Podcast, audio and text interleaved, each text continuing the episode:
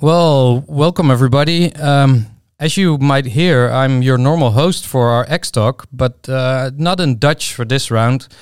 Since we got a very special guest from uh, one of our biggest partners, well, actually our biggest partner, Microsoft, uh, here in the show today. So welcome, uh, welcome, Justin Spelhaug. Um, Justin is the uh, global head of TSI and uh, vice president at Microsoft Corporation. No, not Microsoft Corp, right? I say it wrong immediately. It's TSI. Well, no, it's uh, that's right. It's uh, tech for social impact at Microsoft. Absolutely. Great, and and actually, um, in the preparation, I learned because I've I've heard your name uh, quite a few times, teaming up with the TSI team. Yeah, uh, you were actually one of the one of the founders, or how do you how do you how does that work within Microsoft? Like six six seven years ago? Yeah, no, I, I actually was the founder uh, of the group uh, for the company, and um, you know the reason I found it probably does relate back to uh, uh, my my life story. My I grew up in a family with two social workers. My dad created a nonprofit uh, which was called Senior Services for Snohomish County. So it was Meals on Wheels. It was minor home repair. It was elderly care services and. Uh, my mom uh, was a, a, child abuse investigator uh, oh, wow. in the Seattle area. Okay. And so, you know, kind of through osmosis, uh, I learned the value of service. And, you know, was to coming from parents uh, that are both in the nonprofit industry, we didn't have a ton of money. And so uh, when uh, school was out, my mom would throw me in the back of the car uh, with the kids that she was working with, or my dad would throw me in the back of the Meals on Wheels van or bus, and uh, I just learned a lot. And so I've carried that through my 26 years here at Microsoft, and had the opportunity six years ago uh, to kind of bring my personal mission together with my work mission and form the Tech for Social Impact uh, team, which is a team that uh, focuses on the third sector, the nonprofits, uh, international governmental organizations, and even with some governments in the least developed countries.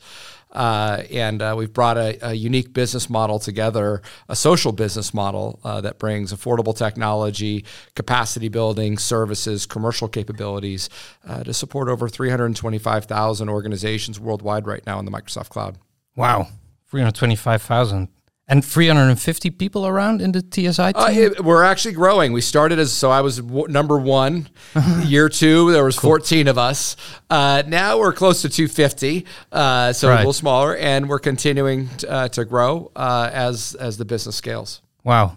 Well, we started Xperity seven years ago, and we're very proud of being 30, 30 people. that's right. And that was, wasn't without struggle. So, well, that's, that's a great effort. And I think also to, that shows the the um, the responsibility that Microsoft feels for for the whole tech for social impact nonprofit market. Uh, totally, and and just you know the we'll talk a little bit more about this, but when you think about the nonprofit market, it is just huge. It's yeah. enormous in the in the United States.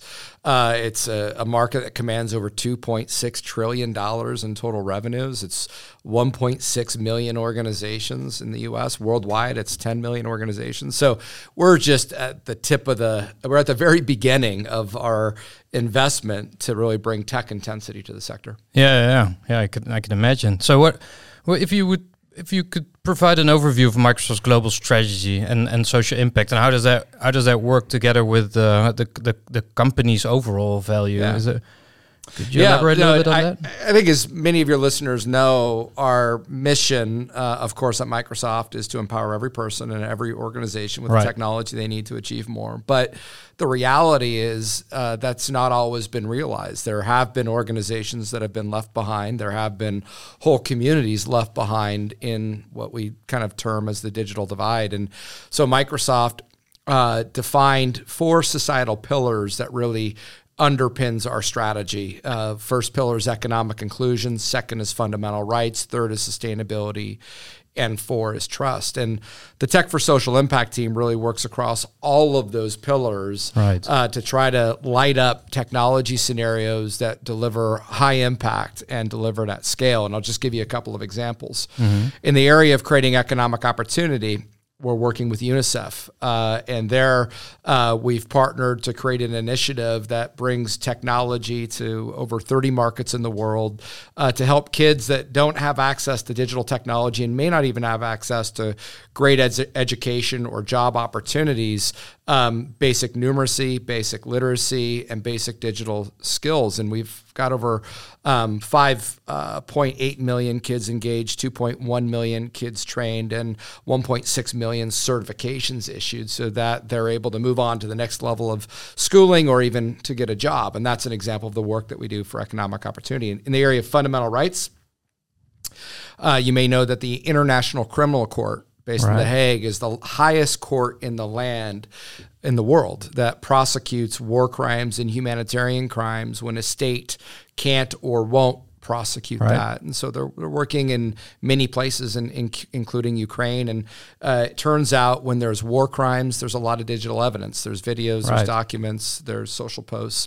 Um, so we've built systems, secure systems that bring all that digital evidence together, use cognitive services to analyze that di- digital evidence so that we can correlate person to place to thing. Uh, and that creates a chain of evidence that prosecutors can use to accelerate uh, bringing perpetrators to justice. Yeah, yeah.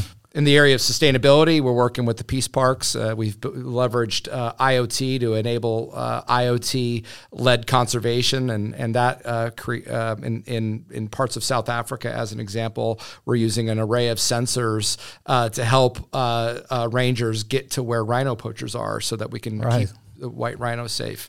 And then finally, in the area of of trust, um, you know, AI creates a new set of dynamics in um, in the world, and we're seeing some of those dynamics pay, play out politically.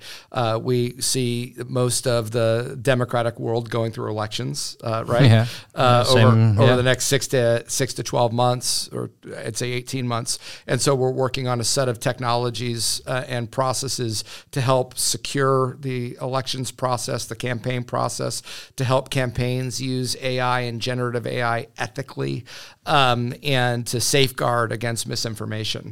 Um, and so those are all kinds of different ways that we're working to make those societal pillars not just a marketing slogan, but like no. a real reality on the ground. Yeah, you're actually proving this. You yes. actually, because I read about this. Obviously, here in the Netherlands, we had the MH big crash uh, in, in in Ukraine, and the the whole Bellingcat uh, investigation. That's I think right. a lot a lot was done with Microsoft technology. Jeez, uh, and it's so different in all the different technologies and all the different countries in the world worlds you visit. I mean, uh, is there a is there a special trick on how to how to deal with all this? Uh, growth you, mindset. You must have a right. no, it's not. It's it's true. I, you know, we say growth mindset.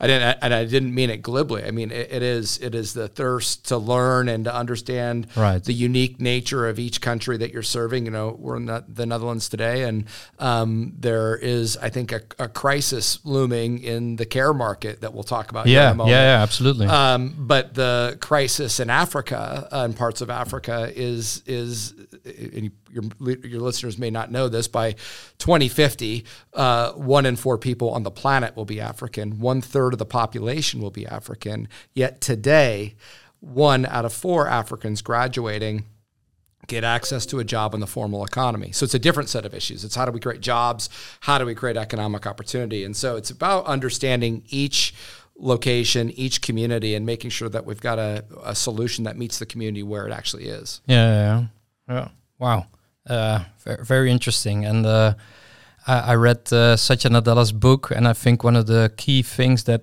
kept kept in my uh, mind, uh, obviously, uh, his his son passed passed away uh, recently. Yeah. The whole the whole for me the backbone of the book is about empathy.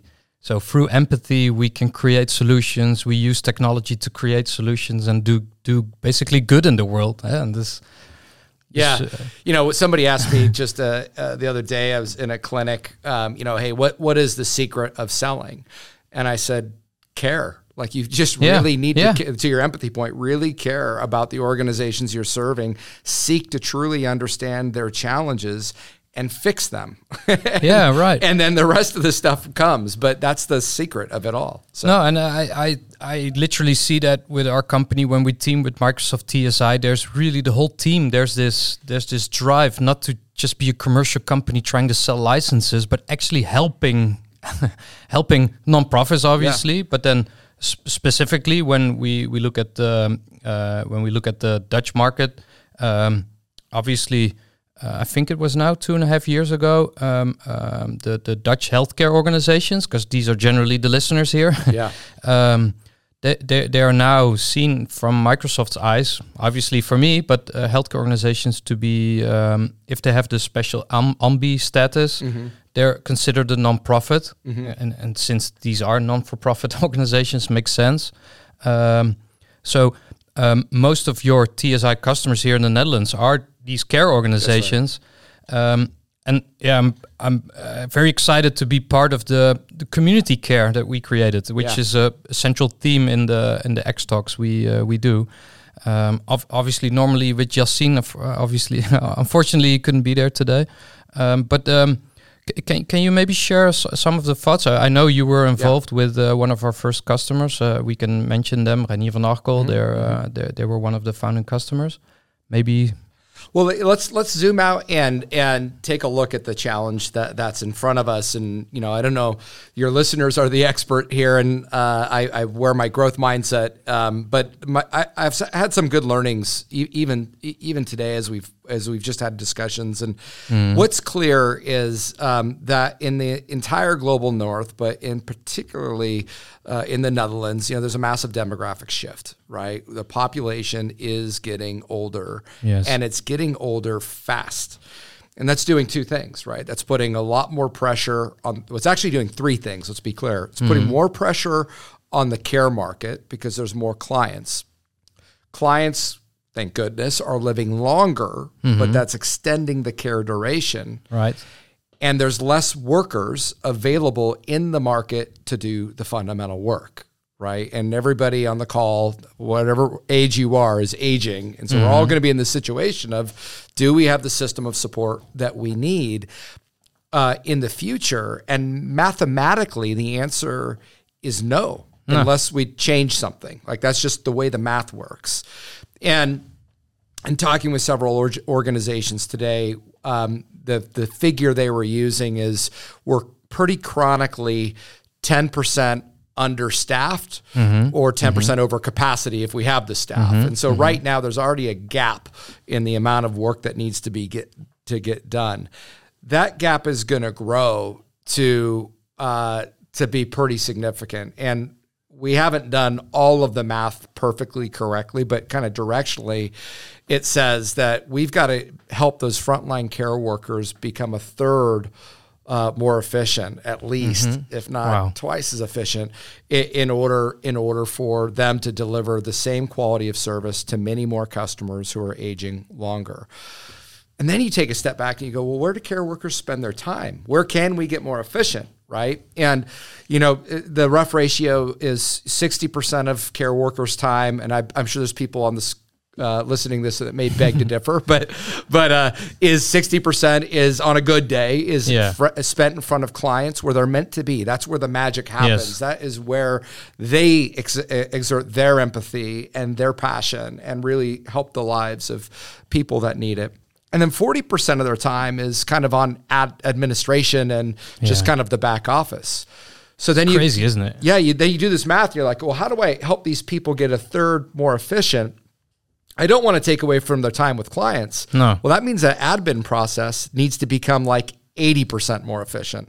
So we have this huge quantum that we've got to we've got to uh, cross in order to help care workers meet the new demands. And this is where uh, the community care work comes in and you know ultimately creates a system that supports really three value propositions number one uh, a system to coordinate engagement because engagement and support for whether it's somebody that uh, has a disability or somebody that is elderly isn't just the care worker, it's the family, it's the counselors, it's the friends. Mm. And how do you coordinate that system of engagement to surround that person with support in a more effective manner? And how do we reimagine the, the role of things like CRM mm. and supporting that system of, of engagement is certainly one value proposition. Second is how do we optimize fundamental processes? Yeah. Uh, even simple processes like um, uh, a client or patient uh, summary notes after a care visit. Mm-hmm. How do we use voice to get those notes into a system? How do we use machine language to translate from one language to the next if you have a multilingual uh, workforce? How do you use large language models to summarize those notes and provide the family a summary so that they can take the right next step? Uh, there's a lot of capability there. Uh, and then finally, you know, helping organizations just do more with their data when they look mm-hmm. at patient populations uh, on a 360 degree basis. How do they understand trends in uh, in let's say uh, accidents or or, or falling, um, and how do they redesign, as an example, care facilities or the home where most people will yeah. be for care uh, to create preventative measures so people have better, better health outcomes. So uh, we have a real challenge in front of us, and I, would say, frankly, a, a, bit of a crisis. And yes. we have to act now, and we need technology to play a role to be a force multiplier in this efficiency that we need to see. No, I 100% agree. And even my business partner, he always uh, refers to uh, when it comes to when you look at the technology you you want to implement he compares it to planting a tree. So if you have a nice garden and you want this tree that's 25 years old you want sure. it now. But wish you planted it 25 years ago. And we're yeah. in this situation i think you earlier today called it uh, the frog in the boiling water. We're, we're we've been having these talks for the last five years and there's real no real big changes Luckily, and that's where I want to go to, we have partners because I see Microsoft very much as a partner company, not only for us as I mean, we implement your technology, so for us it's more, more or less uh, ABC, but also for partners in in the name of Nedap. I mean, Nedap could be considered a competitor for Microsoft. It's absolutely not. We're even trying to get them on board to have talks to to help the organization, but also partners on the level of customers. Yeah. So we've seen a few customers that stuck their head over the, uh, the the grass. How do you say that? Over the field, and say, yes, we're, we need to invest now. We we we don't have a we have a, uh, an anticipation of a business case where we can uh, we, we can prove to our organization this investment is worth it but it's not 100% waterproof but we're willing to invest now so in order to be ready in in in, in four or five years and uh, what i find really, really cool with these organizations. Although sometimes new technology is a struggle, it needs a lot of help and adaptation, and, and it's fine. But uh, the few ones we're working with right now, now that Microsoft introduced Copilot and a lot of AI capabilities, I mean, we can have a separate podcast on that. Yes. um, they're ready. They're ready. Yeah. Bring it on, Copilot. We can use it already in our digital processes. The second uh, pillar you uh, you mentioned. So uh, I think that's really really cool here in the Netherlands, and that we're we should be proud of it. But nonetheless, we're still that frog in the boiling water. But do do you do you since you travel a lot around yeah. the world? I heard uh, I hear you. Um, uh, I heard we talked earlier today about uh, Australia. I think it was. Yep. do do you see comparable problems in the world? I, I, I do. Quite a broad question. well, no. I mean, uh, whether we're in Australia or Germany or the Netherlands, this demographic shift is happening everywhere in yeah. the developing world. It's actually exactly the opposite in yeah. in Africa uh, and in parts of Southeast Asia. Um, and I, I, I think uh, there's an important point that you you've made here, which is we we all have to come together to solve the problem. It's not just something that Xperity or Microsoft or any one organization can solve. And and you know, I think as I think about my learnings from today, there's two things that we need to do a bit different.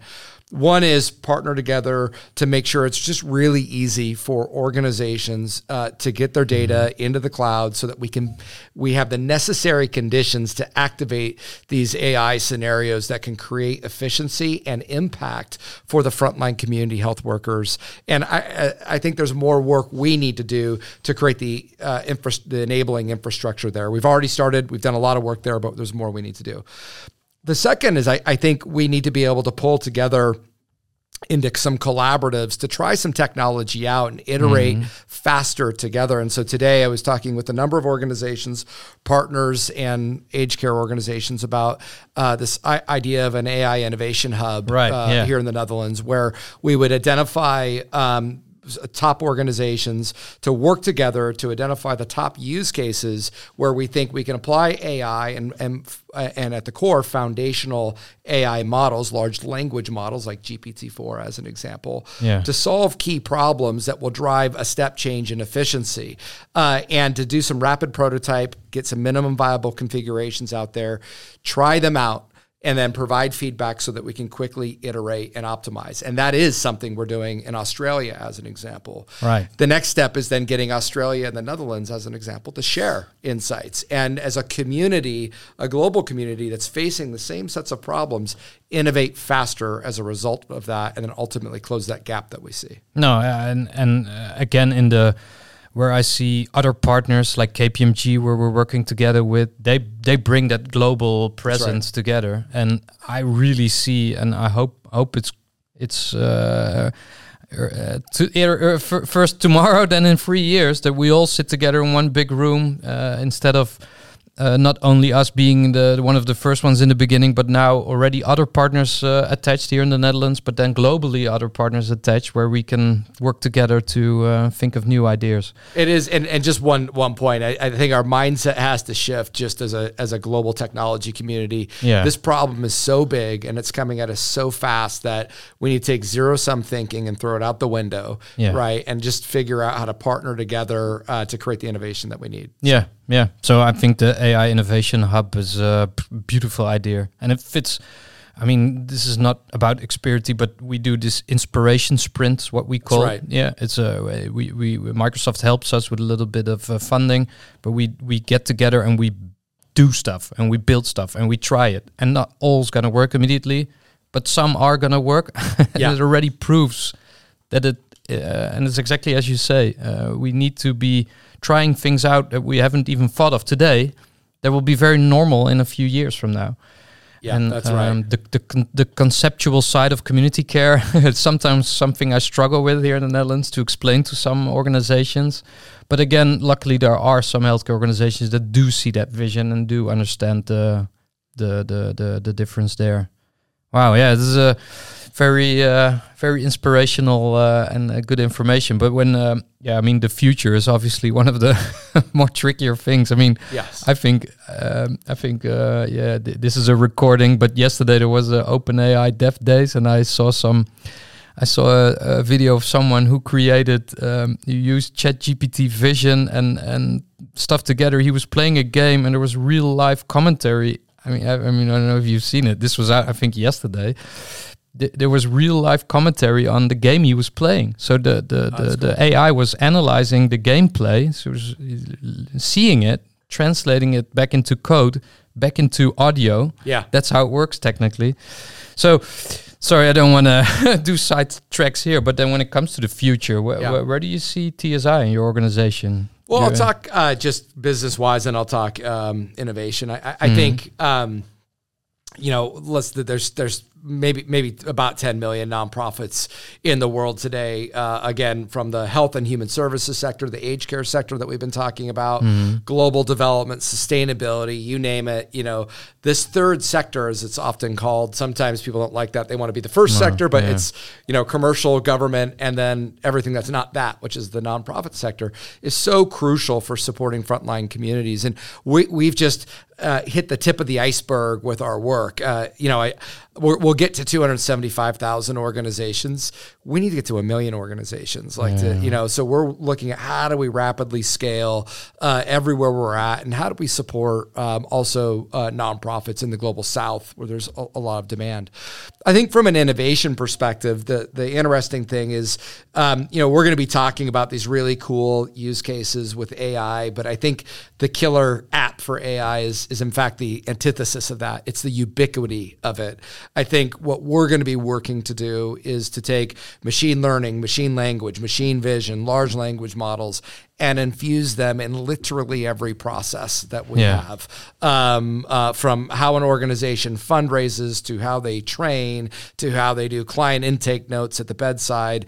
Everything is going to have, um, you know, as we coin it at Microsoft, a co-pilot. And um, you know, just an important notion for your listeners here is the idea here. If you're a community health worker or working with, it's it's not about replacing labor. There's already a shortage. There's Yeah. already a massive shortage. It's about creating an assistant that um, allows that uh, individual to be more innovative, to be more empathetic, to deliver a higher standard of care.